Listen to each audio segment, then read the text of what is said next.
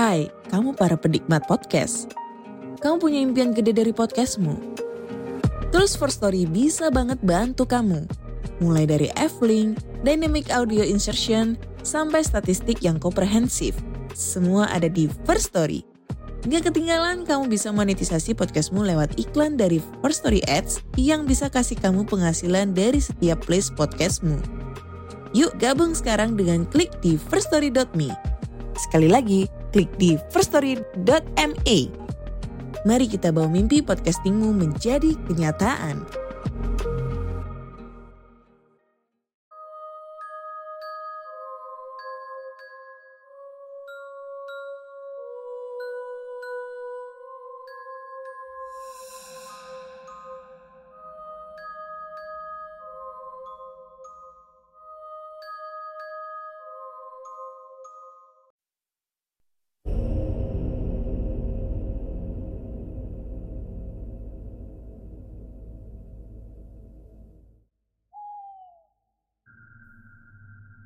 Assalamualaikum warahmatullahi wabarakatuh. Halo semuanya Jumpa lagi dengan saya Chow Sing Sing Kurator dari podcast horror Night Story. Halo apa kabar semuanya? Semoga kalian semua sehat-sehat ya. Sudah dua hari ya saya nggak upload di sini. Ya karena memang saya sedang sibuk nonton filmnya Jessica Mirna itu ya Yang kopi sianida itu. Seru banget ternyata filmnya. Jadi di film itu kita bisa melihat dua sisi Dari Jessica Eh ya dari Jessica terus dari bapaknya si Mirna ini. Jadi pada akhirnya ketika melihat film itu saya itu kayak apa ya bisa dibilang Jessica itu kayaknya nggak sepenuhnya salah ya, masih ambigu lah. Tapi di situ juga masih ada bukti-bukti kalau Jessica bersalah. Ya intinya masih banyak kejanggalan lah atas kejadian yang menimpa si Mirna ini. Ya kalau kalian ingin tahu silahkan nonton ya. High School judulnya. Oke, Uh, cerita kali ini uh, saya bawakan dari Mas Freddy Spare yang menceritakan tentang masa kecil ya, masa kecil, bukan masa kecil ya, pengalaman salah satu temannya ya, yang kebetulan mampir ke rumahnya. Oke, daripada kita berlama-lama, mari kita simak ceritanya.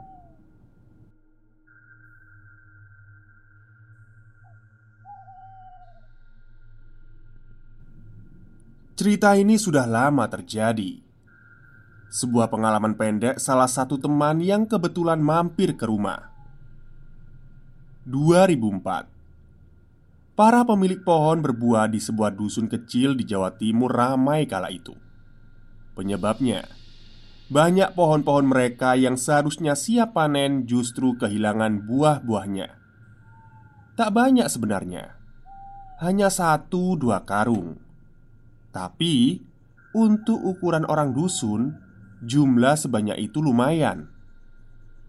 Ada dua orang yang dicurigai warga sebenarnya, Giono dan Masun, sepasang pemuda pengangguran yang gagal di perantauan. Sejak pulang enam bulan yang lalu, keduanya tak terlihat bekerja, tapi hampir setiap hari ngopi dan merokok di warung perempatan. Warga sempat ingin menuduh mereka, tapi belum ada bukti. Pernah ada yang memergoki kedua orang itu berada di sekitar pohon alpukat milik Pak Hasan, tapi mereka tidak melakukan apa-apa. Warga pun tidak bisa menuduh. Tapi dua hari setelahnya, buah-buah yang seharusnya sudah bisa dipanen malah hilang. Beberapa pemilik pohon yang jengkel sampai memasangi pohon itu dengan makhluk halus agar tidak dicuri buahnya. Tapi kedua orang itu seperti tak punya urat takut. Tetap saja, buah-buahan di pohon yang sudah dipasangi jimat-jimat dan makhluk halus itu ludes. Giono dan Masun mengunduh buah-buahan milik warga tanpa ketahuan. Sampai Kemudian kedua orang itu akhirnya menemui sebuah peristiwa dan akhirnya merasa kapok. Oke, sekarang kita beralih ke sudut pandang Giono. Angin dingin menyusup di sela-sela kaki Giono. Meski sudah memepetkan badannya ke dinding pos kambling, tapi angin seperti terus mencari celah. Masun yang duduk berjongkok sambil membakar kretek juga terlihat kedinginan. Buntalan sarung di dekapnya. Sun, wis wayahe kerja iki. Kata Giono sambil menyenggol Masun Yang disenggol melirik Yo ayo Tapi Aku masih ingat kejadian kemarin Serem lu no Giono lalu mengingat kejadian sehari sebelumnya. Waktu itu malam belum larut benar. Orang-orang yang sholat isya berjamaah di masjid Baru saja membubarkan diri. Agar tak mencurigakan Giono bersama Masun sengaja membaur Dengan para jamaah malam itu. Begitu melewati area kebun alpukat milik Pak Anam Giono dan Masun melipir Rombongan warga tak menyadari Jika dua orang pemuda itu memisahkan dirinya Giono dan Masun Melompati pagar bambu kebun dan langsung menuju pohon yang paling besar sudah tiga hari ini, mereka mengamati pohon itu. Tak menunggu lama, Giono langsung memanjat pohon yang tingginya sekitar 6 meter. Masun bersiap di bawahnya dengan membuka sarung yang dibawanya. Perlahan, satu persatu buah jatuh. Masun menggerayangi mencari ke mana buah-buahan itu menggelinding. Daerah di sekitar kebun alpukat benar-benar gelap. Mereka berdua hanya mengandalkan penerangan dari bulan yang nampak remang-remang. Masun berhasil mengumpulkan 22 butir alpukat. Dia lalu berbisik ke Giono agar segera turun. Alpukat milik Pak Anam memang istimewa. Ukurannya besar-besar. Hanya 22 butir saja Ukurannya sudah hampir satu karung Oke Sun Giono menyaut dari atas Lalu terdengar suara. Giono melompat dari atas Dibersihkannya sisa-sisa daun yang melekat di badannya Saat akan menghampiri Masun Giono dikejutkan dengan suara brek yang kedua Masun yang ada di depan Giono ikut kaget mereka khawatir ada orang lain yang tadi bersembunyi di atas pohon. Tangan Masun lalu meraba sakunya, mengeluarkan senter kecil. Giono berpindah ke belakang Masun, khawatir kalau-kalau yang jatuh adalah pemilik pohon. Lampu senter Masun diarahkan ke sekeliling pohon, sampai akhirnya menyorot ke balik pohon alpukat ada sesosok dengan sarung berwarna hijau lumut membelakangi mereka berdua. Jantung Masun sudah berdetak cepat, mengira pemilik pohon menjebak dirinya. Begitu lampu mengarah ke bagian kepala sosok itu, tiba-tiba dia menoleh. Wajah orang itu dipenuhi dengan bulu, seperti wajah siamang. Giginya semuanya berbentuk siung berwarna putih, besar, seukuran jempol kaki. Tanpa dikomando, Giono langsung berlari ke belakang. Masun menyusul dengan terpintal-pintal.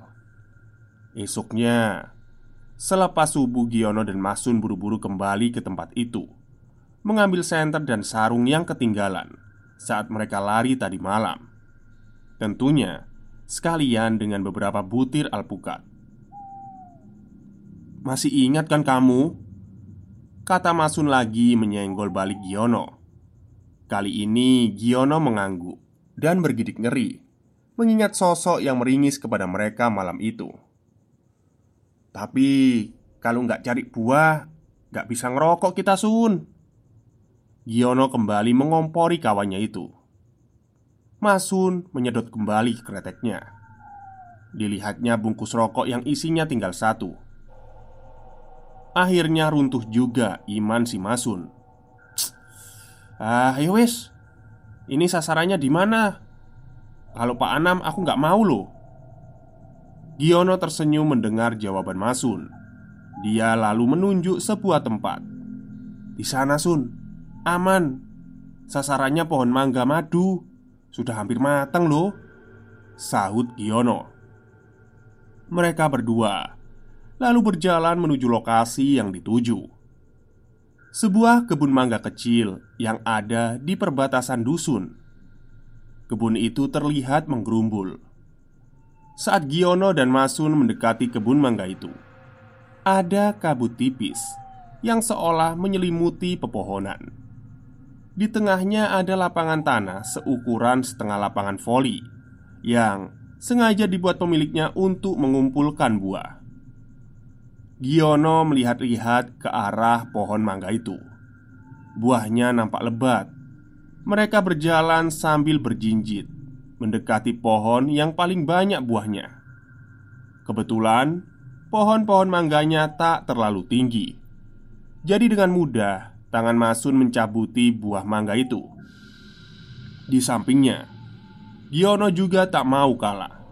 Sarungnya sudah berubah menjadi gendongan keranjang buah. Masun masih bersemangat memilih buah. Tiba-tiba saja Sebuah tangan menepuk pundaknya Masun menoleh Seorang pria muda Dengan rambut gondrong Bertelanjang dada Berdiri di belakangnya Masun kaget, tapi merasa tidak takut. "Ayo main bola, Mas," ajak pria itu. Masun menoleh ke arah Giono. Ternyata ada pria yang hampir mirip dengan yang menepuknya tadi di belakang Giono. Pria itu membawa bola di tangannya. Seperti dihipnotis, Masun menuruti saja pria yang tidak dikenalnya itu mereka akhirnya bermain bola bersama belasan pria yang lain. Anehnya, wajah dari pria-pria itu mirip semua. Berambut panjang, bertelanjang dada, dan celana kain berwarna putih pucat. Masun dan Giono memang senang bermain bola. Tapi begitu diajak pria-pria itu, keduanya seperti lupa daratan. Padahal tidak ada satupun yang mereka kenali. Giono dan Masun seperti lupa waktu. Entah berapa jam dan berapa ratus gol yang mereka ciptakan. Keduanya terus asyik bermain bola. Lama-lama, Giono mulai merasakan lelah luar biasa. Tapi pria-pria gondrong itu tidak memiliki rasa capek, terus mengajaknya bermain. Giono berjalan ke pinggir lapangan, ingin beristirahat tapi belum sampai pinggiran, seorang pemuda gondrong menariknya ke tengah lapangan. "Aduh, aku berhenti dulu, Mas. Capek," kata Giono kepada pria itu. Wajah pria gondrong yang awalnya tersenyum tiba-tiba berubah matanya melotot merah ke arah Giono, lalu menariknya dengan kasar ke tengah lapangan. Akhirnya mau tidak mau Giono kembali bermain bola. Di Masun juga ternyata nampak kelelahan Tapi tak bisa berhenti main bola. Kakinya terus menendang bola meskipun tak bisa berlari. Rasa capek yang luar biasa Kembali menjalar Tapi orang-orang berambut gondrong itu seperti tak mau melepaskan mereka berdua Ketika Giono mau duduk di tengah lapangan karena tak kuat menahan lelah, seorang pria gondrong kembali menariknya untuk berdiri. Dipaksanya kembali bermain bola. Giono mulai menangis saat itu. Tubuhnya seperti tak kuat menahan capek, tapi tidak bisa melawan kehendak pria-pria gondrong itu. Masun juga terlihat sama. Bajunya sampai basah kuyup karena keringat. Di situlah Giono baru mulai menyebut nama Allah. Dia takut setengah mati. Orang-orang gondrong itu seperti tak peduli dengan kondisi Giono dan Masun. Mereka terus memaksa keduanya bermain bola. Hingga kemudian Giono yang sudah tidak kuat mendengar namanya dipanggil-panggil. Noh, Giono Ucap suara itu. Giono yang dipanggil menoleh ke kanan dan kiri. Giono baru sadar Jika pohon-pohon mangga yang tadi berada di sekeliling lapangan Sudah tidak ada Diganti dengan tiang-tiang berwarna putih yang rapat berjajar mengelilingi lapangan. Noh, Giono, sini Suara itu kembali terdengar Sambil menendang bola mata Giono mencari sumber suara itu. Ternyata Di ujung lapangan Ada Haji Ja'far dan Pak Salim. Haji Ja'far ini guru ngaji Giono. Haji Ja'far melambai-lambaikan tangan memanggil Giono. Dengan sisa-sisa tenaga Giono berlari ke arah Haji Ja'far. Tangan-tangan pria gondrong itu sempat berusaha menarik Giono Tapi Giono berhasil lolos Dikibaskannya tangannya untuk menangkis tangan pria-pria gondrong itu. Kali ini permainan bola mendadak berhenti. Pria-pria gondrong itu berusaha mengejar Giono. Kurang semeter mendekati Haji Ja'far. Kaki Giono tertangkap dan sempat ditarik Hingga Giono terjerembab jatuh. Kakinya berusaha menendang-nendang tangan pria gondrong yang menariknya itu. Lalu dengan cepat Giono merayap menarik sarung Pak Haji. Begitu tangannya menyentuh sarung Jari-jari tangan pria gondrong langsung melepasnya. Nafas Giono naik turun Menahan rasa lelah yang luar biasa itu. Dia lalu berdiri dibantu Pak Salim dan Pak Haji Ja'far. Makane no. Wis dibilang ojo nyolong. Kok nyolong terus Kata Haji Ja'far setelah dirinya bisa berdiri. Giono hanya bisa meringis. Sekarang gimana caranya? Temanmu kamu bawa ke sini Kata Haji Ja'far lagi. Giono lalu menoleh ke arah lapangan. Nafasnya seakan-akan berhenti. Dilihatnya orang-orang gondrong itu bukan lagi manusia Tapi makhluk dengan tubuh kurus, tinggi Berwarna putih pucat dengan kepala luncup. Bola yang ia tendang untuk bermain berubah menjadi banaspati yang menyala api. Dan Masun ada di tengah-tengah mereka Dengan wajah capek dan layu. Giono meneriaki Masun dari pinggiran lapangan. Yang diteriaki hanya bisa melirik tapi tak mau mendekat. Terpaksa Giono berjalan mendekati Masun Haji Ja'far dan Pak Salim hanya melihat dari pinggir lapangan. Dengan tenaga seadanya Giono berusaha mendekati Masun. Tapi belasan makhluk-makhluk jangkung itu seperti tak ingin melepas Masun. Nyali Giono ciut sebenarnya. Tapi dia tidak tega. Masun sudah lemas di tengah lapangan. Tubuhnya beberapa kali ambruk tapi diangkat lagi. Sambil merangkak Giono mendekati Masun Giono nyaris ambruk juga karena tak punya tenaga Jari-jari panjang makhluk pucat itu mencengkram pundak Giono hanya bisa pasrah Sebelum ditarik lagi ke tengah lapangan Pak Haji Ja'far sudah berdiri di sampingnya. Tangannya mendorong makhluk-makhluk pucat itu, lalu menarik Masun dan menyeretnya bersama Giono. Setelah itu, Giono tak ingat apa-apa lagi. Giono baru sadar setelah dirinya mendengar suara adzan. Mata Giono melirik silau ke arah beberapa orang yang sedang duduk bersila di depannya. Ada Haji Ja'far Pak Salim, bapaknya, dan tiga orang warga lainnya. Mereka mengaji sambil memejamkan mata. Di sampingnya, Masun juga baru membuka mata. Dalam posisi bersandar di batang pohon mangga, Haji Ja'far lalu berhenti mengaji. Dia berjalan mendekati Giono. "Wes toh?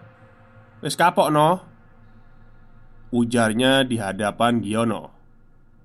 Masun dan Giono saling lirik dan mengangguk pasrah. Setelah diminumi air gula, keduanya baru mulai bisa berjalan. Ternyata Giono dan Masun sudah dua hari tertidur sejak mereka datang untuk mencuri mangga. Sengaja warga yang pada siang harinya tak sengaja lewat Maksudnya seorang warga ya Seorang warga yang pada siang harinya tak sengaja lewat kebun mangga milik keduanya Maksudnya gimana ini? Seorang warga yang pada siang harinya tak sengaja lewat kebun mangga melihat keduanya tertidur di bawah pohon Tapi berulang kali diguncang tetap tidak bangun keduanya Warga itu akhirnya melapor ke Haji Ja'far. Setelah dilapori, Haji Ja'far sempat melihat kondisi dua orang itu. Lalu Haji Ja'far meminta agar warga itu tidak lapor ke orang lain. Ternyata Haji Ja'far mencari pemilik pohon-pohon mangga itu, dan pemiliknya adalah Pak Salim. Haji Ja'far harus menunggu sampai esok harinya karena ternyata Pak Salim sedang keluar kota. Haji Ja'far lalu mencari orang tua Giono dan Masun Lalu mengajak mereka mengaji bersama Di depan Giono dan Masun Yang terlihat tidur di batang pohon mangga. Pak, nggih pak. Kulo kapok, mau nyolong mana pak Kata Masun setelah benar-benar sadar. Selesai Oke, itulah cerita singkat dari Mas Freddy Spire tentang apa ya bisa dibilang uh, pencurian ya tapi ternyata yang dicuri itu uh, dipasangi sebuah jimat gitu. Tapi ba saya baru tahu loh kalau ada jimat semacam ini atau uh, perewangan seperti ini ya. Jadi Mau nyolong bukannya ditakutin malah kita diajak main bola. Tapi ya capek sih. Udah capek masih dipaksa main bola sama orang-orang itu ya. Ya macem-macem ternyata memang media untuk uh, hal gaib seperti itu. Oke mungkin itu saja cerita untuk hari ini. Semoga kalian semua suka. Wassalamualaikum warahmatullahi wabarakatuh